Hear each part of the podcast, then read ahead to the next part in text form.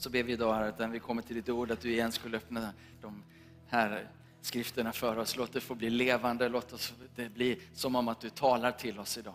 Tack att vi får ha den förväntan på ditt ord. Kommer tro, kommer hopp, kommer kärlek. I Jesu Kristi namn ber vi. Amen. Amen, amen, amen. Gud är god och välkommen till Citykyrkan denna söndag. Eh, tack ska ni ha, eh, lovsångsgänget och Paolo Lenius heter jag, pastor här i Citykyrkan. Eh, och det är ju, tjena, Charlie och Isak. um, och um, det är ju fantastiskt att se uh, både bekanta ansikten och nya ansikten. Uh, eh, och känner du dig ny här så extra varmt välkommen till dig. Um, vi har eh, ibland och relativt ofta predikoserier Eh, försöker liksom måla linjer över ett antal söndagar. Och nu har vi en serie som heter Ny himmel, ny jord. Um, och det känns väldigt spännande att få tala om de här i det här eh, temat. Um, I den här tiden. Och om du vill ha lite bakgrund så kan du gå in och lyssna på tidigare, tidigare söndagar. Ehm, och kontexten, eh, scenen som vi står i är eh, utifrån Matteus 24.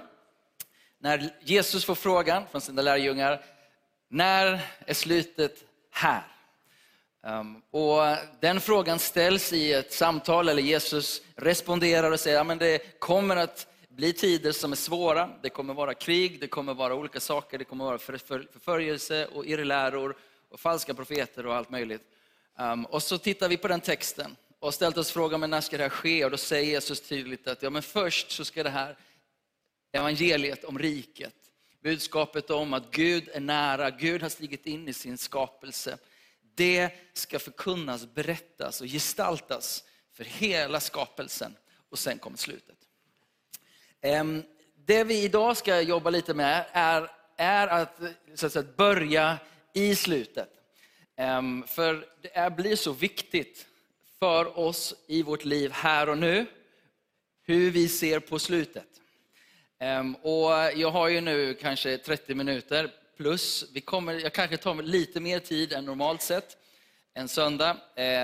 För att det är eh, vår längtan att liksom kunna förmedla någonting som skapar en kontext. Så det blir lite mer bibelundervisning. Och igen, är du ny i kyrkan, jag ber att, eh, om, om eh, överseende med en del av begreppen som kanske har med liksom, eh, en del begrepp som kanske är nya för dig helt enkelt. Jag ska göra mitt bästa för att introducera även dig in i Bibelns eh, berättelse om vad som händer i slutet, när tiden tar slut och Jesus kommer tillbaka.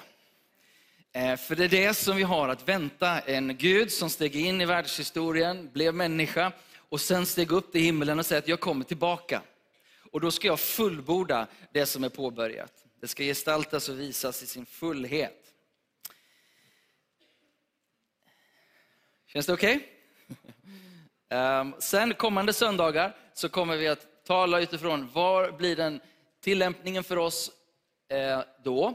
Utifrån om vi börjar i slutet och beskriver hur det ska bli, vilken skillnad gör det för oss nu? Vi vill bryta ner det här i ett antal olika områden och det går att ta vidare också naturligtvis. Men vi kommer att fundera nästa söndag, prata om arbetslivet. Vad betyder det för oss i vårt arbete? Gud på jobbet och med Gud på jobbet. Eh, vi kommer att prata om eh, skapelse och miljö, hållbarhet. Vad, hur får vi, vilka ögon har vi och vilket sätt förhåller vi oss till vår skapelse som förvaltare? Och sen kommer social rättvisa och, och lite andra delar. Så det här känns väldigt spännande i alla fall. Ehm, men låt oss gå till de sista kapitlerna i, i Bibeln.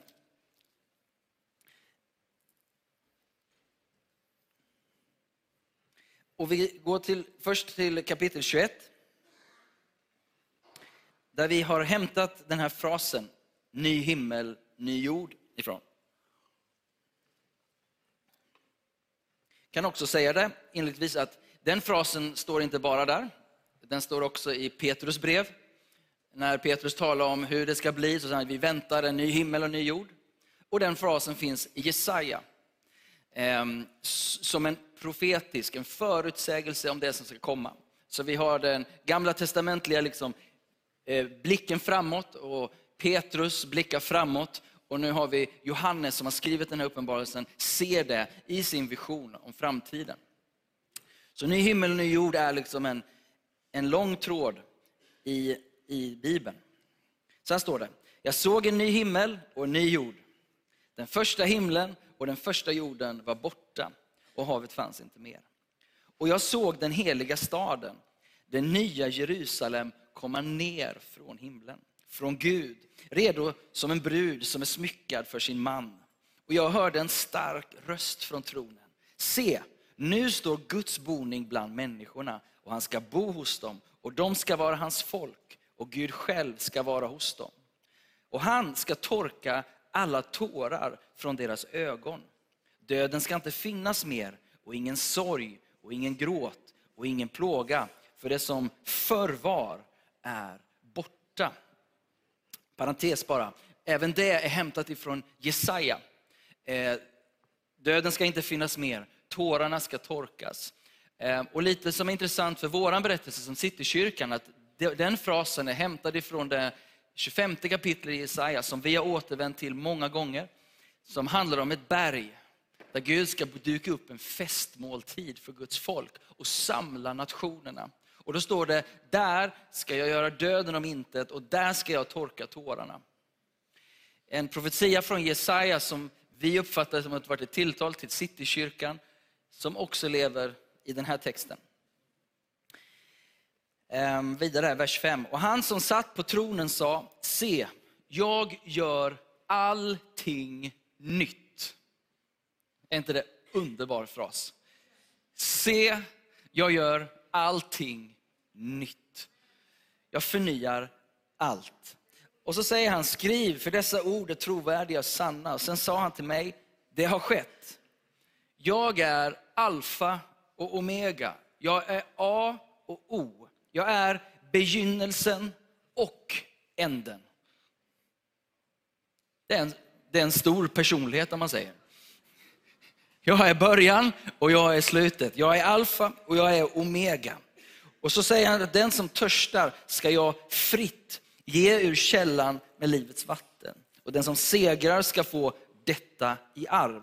Och jag ska vara hans Gud och han ska vara min son. Om du hoppar vidare in i 22 kapitlet. Då får vi en inblick i den staden som han ser komma ner ifrån himmelen. Det är en stad som är otroligt vacker. Och vi ska återkomma till den här staden och dess betydelse alldeles strax. Men den kommer ner. Och det står det i vers 1 kapitel 22. Han visade mig en flod med livets vatten, klar som kristall, som går ut från Guds och Lammets tron. Mitt på stadens gata, på båda sidor om floden, står livets träd. Vad står mitt i Jerusalem? Jo, där står livets träd. Och det står att det bär frukt tolv gånger. Varje månad ger den frukt och trädets löv ger läkedom åt folken. Och ingen förbannelse ska finnas mer. Det har skiftat nu. Guds och Lammets tron ska stå i staden och hans tjänare ska tjäna honom. Och de ska se hans ansikte och bära hans namn på sina pannor. Ingen natt ska finnas mer och det behövs inga lampors sken eller solens ljus. För Herren Gud ska lysa över dem och de ska regera som kungar i evigheters evigheter. Så du har en stad, du har en flod och du har ett stort livets träd som ger läkedom. Förbannelserna är brutna. Guds ljus, hans eget, eget ljus lyser upp staden och där utifrån det ska vi regera som kungar för evigt. Sista verserna från det här kapitlet, om du hoppar fram till vers 12. Så säger Jesus, se, jag kommer snart och jag har min lön med mig för att ge åt var och en efter hans gärningar. Jag är A och O, den första och den siste. begynnelsen och änden. Saliga är de som tvättar sina kläder så att de får rätt till livets träd och få komma in genom portarna till staden. Låt oss be en gång till. För det känns som vi behöver en helig andes smörjelse, närvaro över de här texterna för att se det Gud vill visa oss. Så kom helig ande, gör det, var den som undervisar. Helig ande, öppna våra hjärtats ögon så vi förstår hur stort hopp vi har.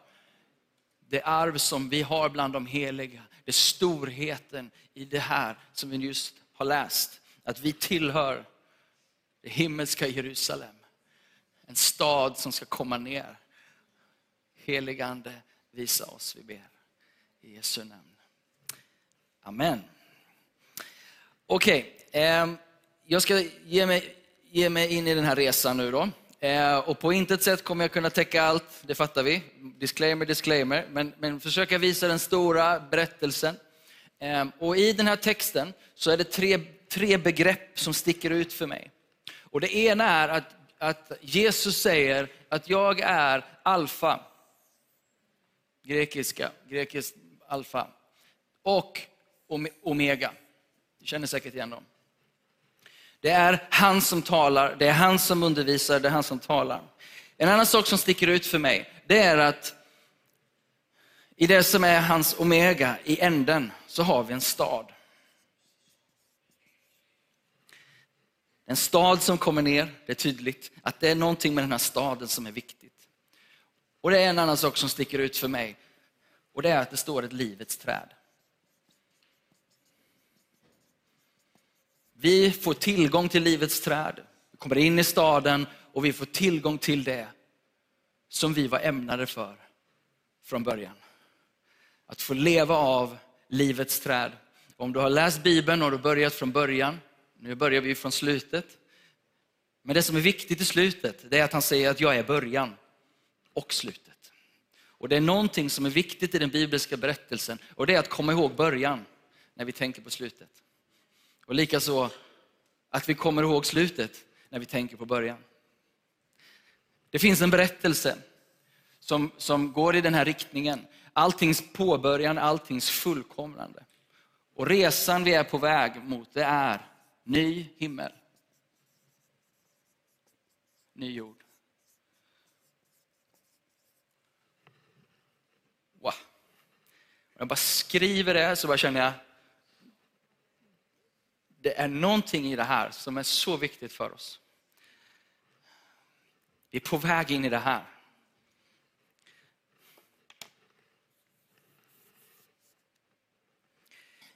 Bara, bara, bara så du förstår var, var, jag, var jag kommer ifrån. Ehm, jag hoppar in i, i framtiden i min andra delar av min, eh, mitt utkast. Men jag måste läsa det här. Matteus 25.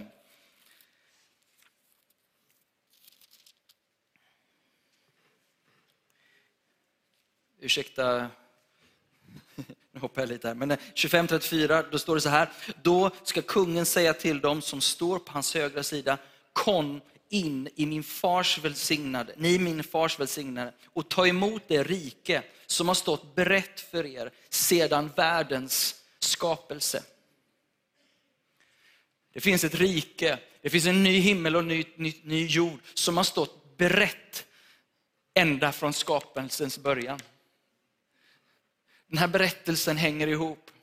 Och han bara väntar, ni min fars välsignade, att vi ska få ta emot det som han har berett.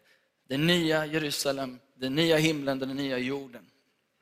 Och som jag sa innan här, så står de här fraserna i um, 65, 17 tror jag. Exempelvis eh, Andra Petrus 3 och 13.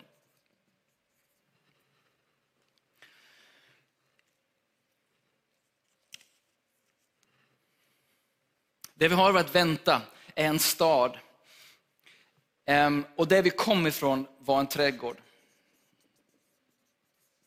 Hur var det från början? Hur var det från början? Vi påminner oss hur det var från början. Um, så står det så här, Herren Gud, i första Mosebok kapitel 2, vers 8. Herren Gud planterade en lustgård i Eden österut och satte där människan som han hade format. Och Herren Gud lät alla slags träd växa upp ur marken, ljuvliga att se på och goda att äta av. Och mitt i lustgården satte han vadå? Livets träd och trädet med kunskap om gott och ont. Det fanns två träd, det fanns ett vägval för mänskligheten. Att å ena sidan få bygga sin tillvaro kring livets träd, eller bygga sin tillvaro kring sig själv och kunskapen om gott och ont. Men det som binder ihop berättelsen i alla fall, det är att vi har ett livets träd som vi en gång var skapade för att leva kring.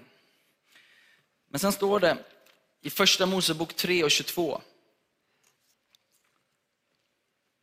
Efter det att människan valde att gå och kampa kring det andra trädet och sin egen tillvaro, vilket är den stora dividen, det är den åtskillnaden som är fortfarande. Det finns två typer av människor och de är inte svarta och vita.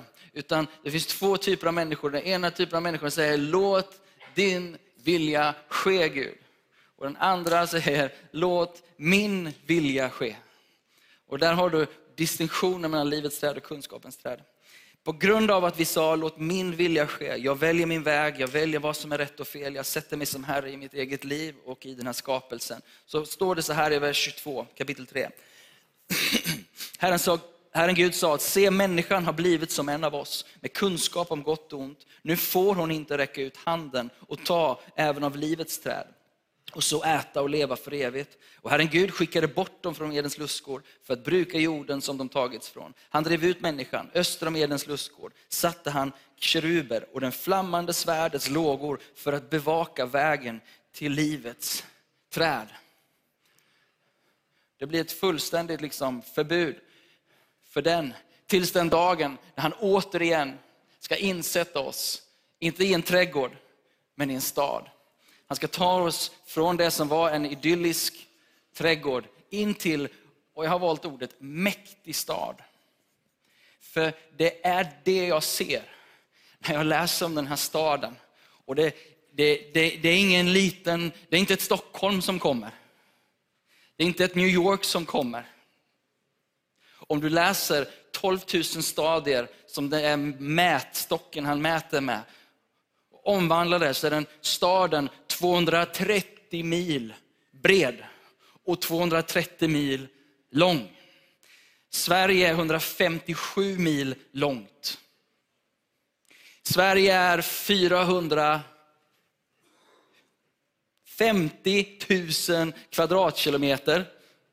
Alla matematiker. 450 000 kvadratkilometer. Det nya Jerusalem är 5,3 miljoner kvadratkilometer. Och du bara, jag fattar ingenting av det här. Okay? Tänk dig 4400 New York. Boom! Och sen står det att den är gripande lika hög som den är bred. Det fattar inte jag hur det ska gå till. va? Men, och någonstans där fattar vi att det kanske inte är de faktiska siffrorna vi pratar om.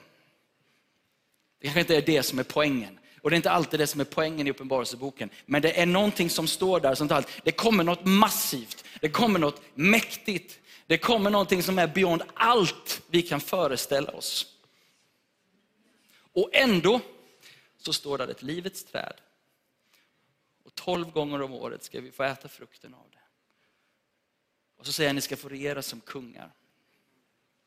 Jag drar på mitten när jag läser i brevbrevet att vi tillhör det himmelska Jerusalem. Vi är medborgare i den staden. Vi lever idag utifrån resurserna som är förankrat i den staden. 4000 New York, eller vad du nu vill ha för bild framför dig. Någonting som är så gigantiskt och så massivt och så mäktigt det är det som kommer i sin fullbordan, men det är den staden vi tillhör. Och det är de resurserna vi är arvtagare till. Det finns anledning att leva ett annorlunda liv nu.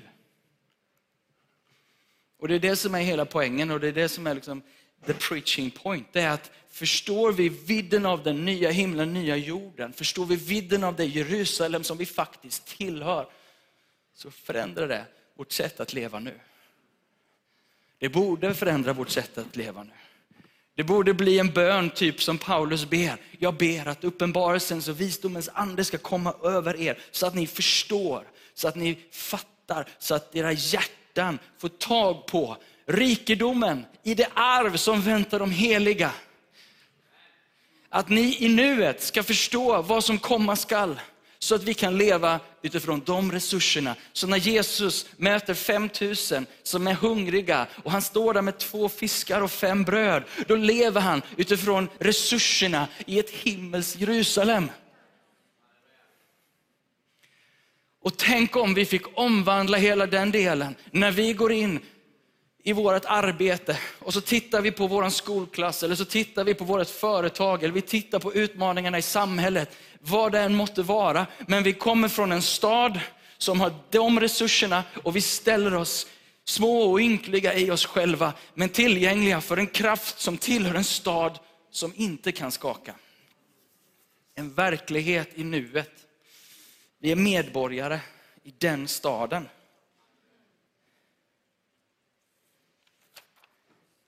Jag, för mig, jag, jag svimmar alltså. Vid tanken på att bara om vi i det här rummet, genom hans nåd och andens uppenbarelse, skulle kunna leva i vårt vardagsliv utifrån detta enkla och stora. Förankrade, medvetna om det vi tillhör. Och när vi säger, låt ditt rike komma. Fattar ni kraften i den bönen? Hur vi pluggar in i en verklighet som är här. I hans omega. Mega, gigantiskt, mäktigt. Som vi får be in och välkomna och leva ut redan här och nu.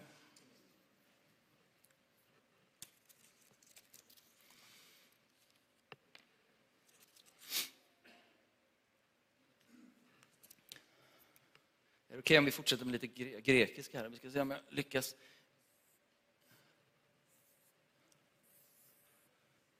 Ski, r, kr. Kristus. jag bara kände för det. XP, någon har sagt XP Media. X är, det är de två första bokstäverna i Kristus alltså. Efesebrevet, jag tycker det här är helt galet bra. Efesierbrevet 1 och 9. Så säger Paulus, han har låtit oss få veta sin viljas hemlighet enligt det beslut han har fattat i Kristus, den plan, kommer ni ihåg att den var från innan allting skapades? Den plan skulle genomföras när tiden var inne. Att sammanfatta allt i himlen och på jorden i denne Kristus. Allt i himlen och på jorden. Allt det här sammanfattas i Kristus. I han som är alltings upphovsman och fullkomnare.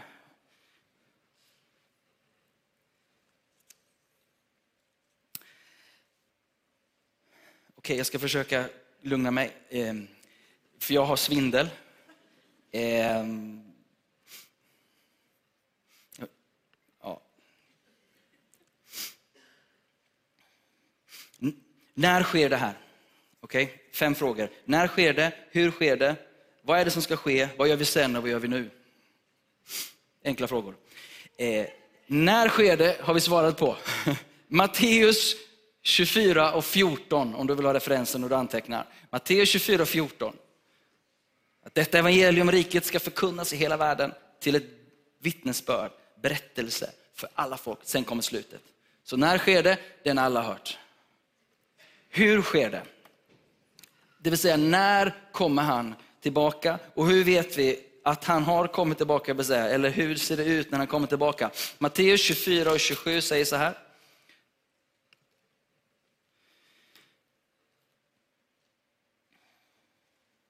För som blixten går ut från öster och lyser ända bort i väster, Så ska det vara när Människosonen kommer. Okay? Vi kommer inte missa det. Ni vet när blixten slår, kanske långt borta någonstans, så lyser det upp hela himlen. När han kommer tillbaka så kommer du inte missa det. Det kommer inte ske på någon, i någon avkrok, utan vi kommer att se det och vi kommer att uppfatta det. Uppenbarelseboken kapitel 1 och vers 7 säger Se, han kommer med molnen och varje öga ska se honom. Varje öga ska se honom. Jag vet inte hur det är möjligt i en, på jorden, så här, det kanske är möjligt tack vare våra telefoner, jag vet inte. Alla har en skärm, alla kan se. Poängen är att vi missar det inte. Blixten går ut, vi kommer att se det, vi kommer att uppfatta det.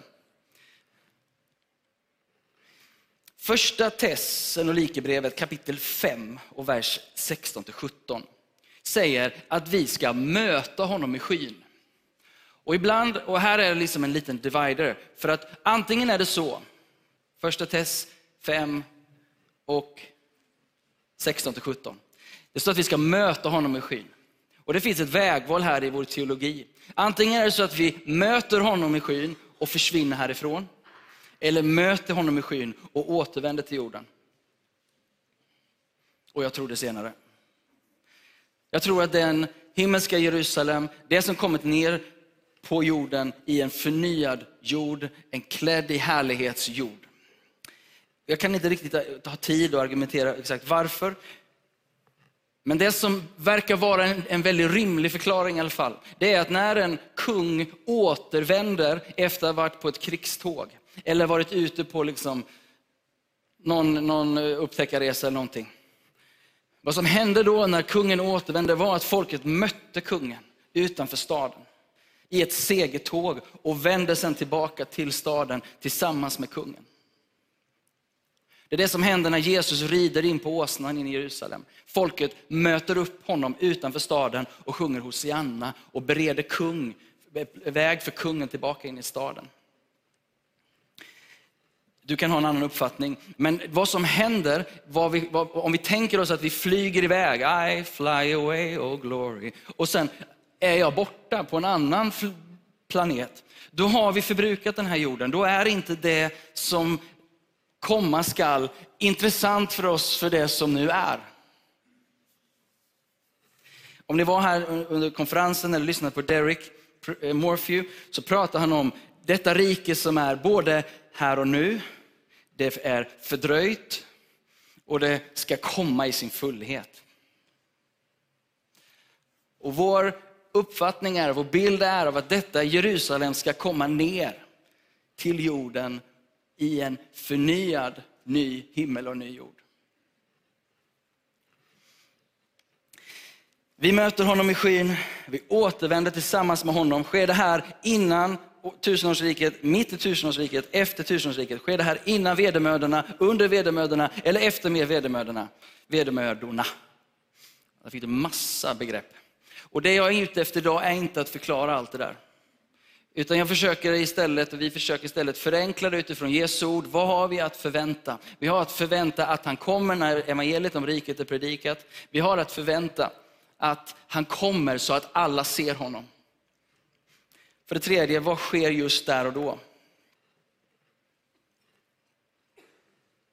Om man läser vidare i Matteus evangelium. Eh, vi var i kapitel 24 så har vi pratat om att eh, hur det ska vara när han kommer tillbaka. Det är tuffa tider med evangeliet predikats och så kommer Jesus tillbaka. När vi kommer in i kapitel 25 så står det om att vara redo, att vi inte ska vara som jungfrurna som inte hade olja i lampan. Eh, vi ska vara goda förvaltare av de talenter som vi har. Vi ska ta hand om det skapade. Och sen kommer han tillbaka um, i vers 31. Och då står det att Människosonen kommer i sin härlighet alla änglar med honom. Då ska han sätta sig på sin härlighetstron. Och alla folk ska samlas inför honom och han ska skilja dem från varandra som herden skiljer fåren från getterna. Och han ska ställa fåren på sin högra sida och getterna på sin vänstra sida. Och då talar han till de som står på hans högra sida och säger det här som jag citerade innan. Kom ni min fars välsignade och ta emot det rike som stått berett för er sedan världens skapelse. Det första som händer är att en åtskillnad mellan de som är välkomna in i staden och de som inte är välkomna in i staden. Och Det här är väldigt, väldigt tydligt i de sista kapitlen också. Att det finns en åtskillnad. Och det som, om vi går dit, hur tar man sig in i staden? Vem får komma in i staden? Vem får ta emot det här riket? Om du går till vers 12 i kapitel 22.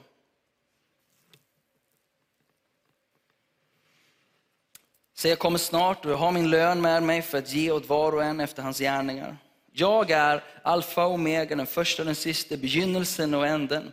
Och lyssna, saliga är de som tvättar sina kläder så att de får rätt till livets träd. Vem får rätt till livets träd? Jo, de som har tvättat sina kläder. Och får komma in genom portarna i staden. De som har tvättat sina kläder. Hur sker det här? Om du går till första kapitlet i Uppenbarelseboken.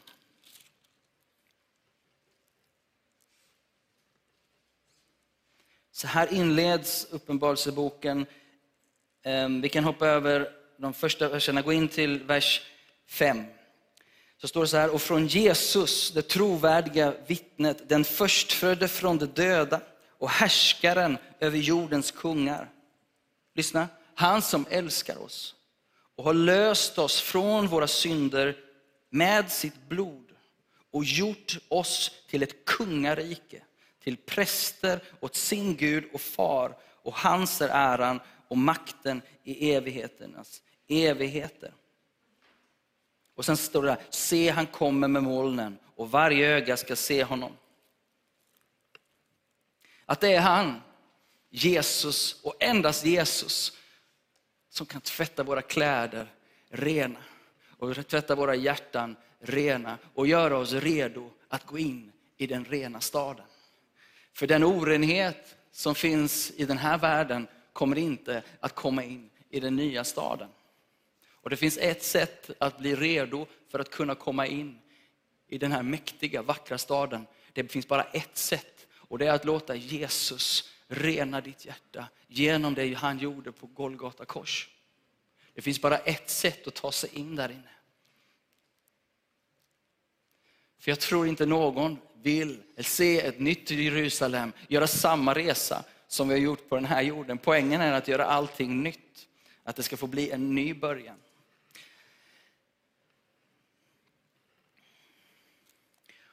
Och det finns här, så står det i vers 15, men utanför så är hundarna kallas han. Okultisterna, sexuellt omoraliska, mördarna, avgudadyrkarna och alla som älskar lögnen och ägnar sig åt den. Och det jag ser framför mig, det är de vars hjärtan säger att jag tänker inte böja mig för en god kung. Jag är min egen kung. Och jag brukar tänka så här, om vi inte vill ha Jesus som kung i det här livet, vad är det som gör att vi vill ha Jesus som kung i det nästkommande livet? Om vi inte kan böja våra hjärtan här, vad är det som säger att vi vill böja våra hjärtan i evigheten? Och min bön är här idag att ditt hjärta skulle vara böjligt. Att mitt hjärta skulle vara böjt. För vad som hände här borta var att människan valde sin egen väg och sa jag kan. My way is the highway. Inbjudan är att få ödmjuka sitt hjärta inför en god Gud som älskar dig. Som älskar dig på ett sånt sätt att han var beredd att dö i ditt ställe. Men menar du Paul att himlen inte är öppen för alla? Självklart är himlen öppen för alla. Men får inte alla komma in då? Och jag skulle vilja säga att jag tror inte alla vill komma in.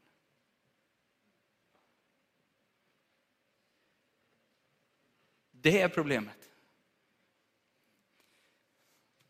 Våra hjärtan. Och hjärtat som inte är böjt, nu är det lite allvarligt här. Hjärtat som inte är böjt genererar allt det som står här. Mördare, lögnare, avgudadyrkare. Det, det är liksom the outcome, det är det som läcker ur ett hjärta som inte är böjt. Jesus kommer till oss i den här tiden nu och säger, jag vill ha med dig i mitt himmelska Jerusalem. Jag vill ha med dig, jag vill bjuda in dig. Och jag vill att du också redan här och nu ska få smaka rikedomarna av det tillkommande riket. Det finns ingenting i Jesus som vill hålla någon ute. Det finns ingenting i Faderns hjärta som skulle visa bort dig, inte för en sekund. Tvärtom så berättar Jesus att han är far. Gud är far som springer dig till mötes. Som springer stadens utsatta och slagna och de som lider till mötes. Han är ingen Gud som sitter och är hård och avvisande. Han är en Gud som i kärlek har sträckt sig efter ditt hjärta, mitt hjärta och har gjort allt som står i hans makt för att frigöra dig. För att rädda dig från ockupationsmakterna, från kaoskrafterna, från det okulta, från allt det som är lögn och irrläror i den här världen. Han har kommit för att sätta dig fri. Han har kommit för att befria dig från lögnens makt att bedra. Han har kommit och sänt sin heliga ande för att öppna upp hjärtat så att vi kan se. Hela Stockholm är inbjudet, hela Sverige, hela världen ska få höra detta evangeliet om riket, eller hur? Att de är inbjudna, att inbjudan har gått ut. Men bara Jesus gör oss redo. Så det kommer en dom, det kommer en åtskillnad. Och mitt i detta så kommer också det nya Jerusalem. Om du tittar eh, i, i Uppenbarelseboken, ska försöka landar här nu. Um, kapitel 20 och vers 11 och framåt så står det om den slutliga domen. Där kommer den här tronen som jag tror är lika som vi läste från Matteus evangelium. Såg en stor vit tron och honom som satt på den och för hans ansikte flydde jord och himmel. Det fanns ingen plats för det längre. Det är som att det gamla, det, det, måste, det flyr undan. Det klarar inte av hans Eh, makt och härlighet i sin fulla uppenbarade tillstånd. Det blir en dom. Eh, och sen så direkt efter det, från vers, eh, vers 1 i kapitel 21. Och jag såg en ny himmel och en ny jord. Den första himlen och jorden var borta, havet fanns inte mer. Jag såg den heliga staden, den nya Jerusalem, komma ner från himlen, från Gud, redo som en brud. Så i det här skeendet så händer någonting av, av det som har varit och så kommer något nytt. Och det stora och välkomnandet och inbjudan är att få vara förankrade i detta nya, redan här och nu. Och Det här behöver du och jag fundera över, be över och se hur landar det här i våra hjärtan och hur kan vi på något sätt äga det här budskapet utan att bli hårda och dömande. För var och en av oss behöver samma typ av inbjudan att få böja våra hjärtan, att få, få, få ta emot denna rening från synd var och en av oss lika mycket behov av det. All right, avslutningsvis nu bara, vad gör vi sen när detta har skett? Jag läste det innan. Eh, ni kan få ta del den här eh, om någon vill hjälpa mig med det. Det står i Uppenbarelseboken 22, vers 1. Han visade mig en flod med livets vatten, klar som eh, kristall, som går ut från Guds och Lammets tron. Och sen så kan vi hoppa fram till vers 25. Ingen natt ska finnas mer och det behöver inte lampors sken eller solens ljus, för Herren Gud ska lysa över dem och de ska regera som kungar i evigheters evighet. Vad gör vi i himmelen? Ja, vi kommer att regera som kungar. Och det är inte som att sitta och, och äta vindruvor liksom och, och dricka någon vin liksom på någon, någon sån här schäslonghistoria. Utan det handlar om att återigen bli inbjudna att ta hand om den här skapelsen, så som det var tänkt från början. Han är alfa och han är omega. Han satte oss att ta hand om en trädgård och nu kommer vi också få ta hand om en stad och utifrån den staden hela jorden. Himmelen är inte att sitta med en harpa på ett moln, men att få regera med honom på jorden. Är ni med på det? Att få regera som kungar, det är det vi ska göra i evighet. Om du går till eh, Uppenbarelseboken kapitel 5.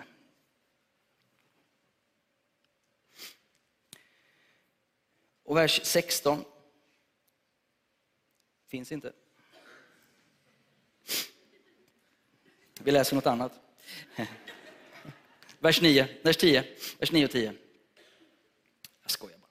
Ehm, du är värdig att ta bokrullen och bryta dess sigill och du har blivit slaktad, alltså Jesus, Med ditt blod har du friköpt människor åt Gud. Och lyssna nu, av alla stammar och språk och länder och folk. Du har gjort dem till ett kungarike och till präster åt vår Gud och de ska, vadå? Regera på jorden.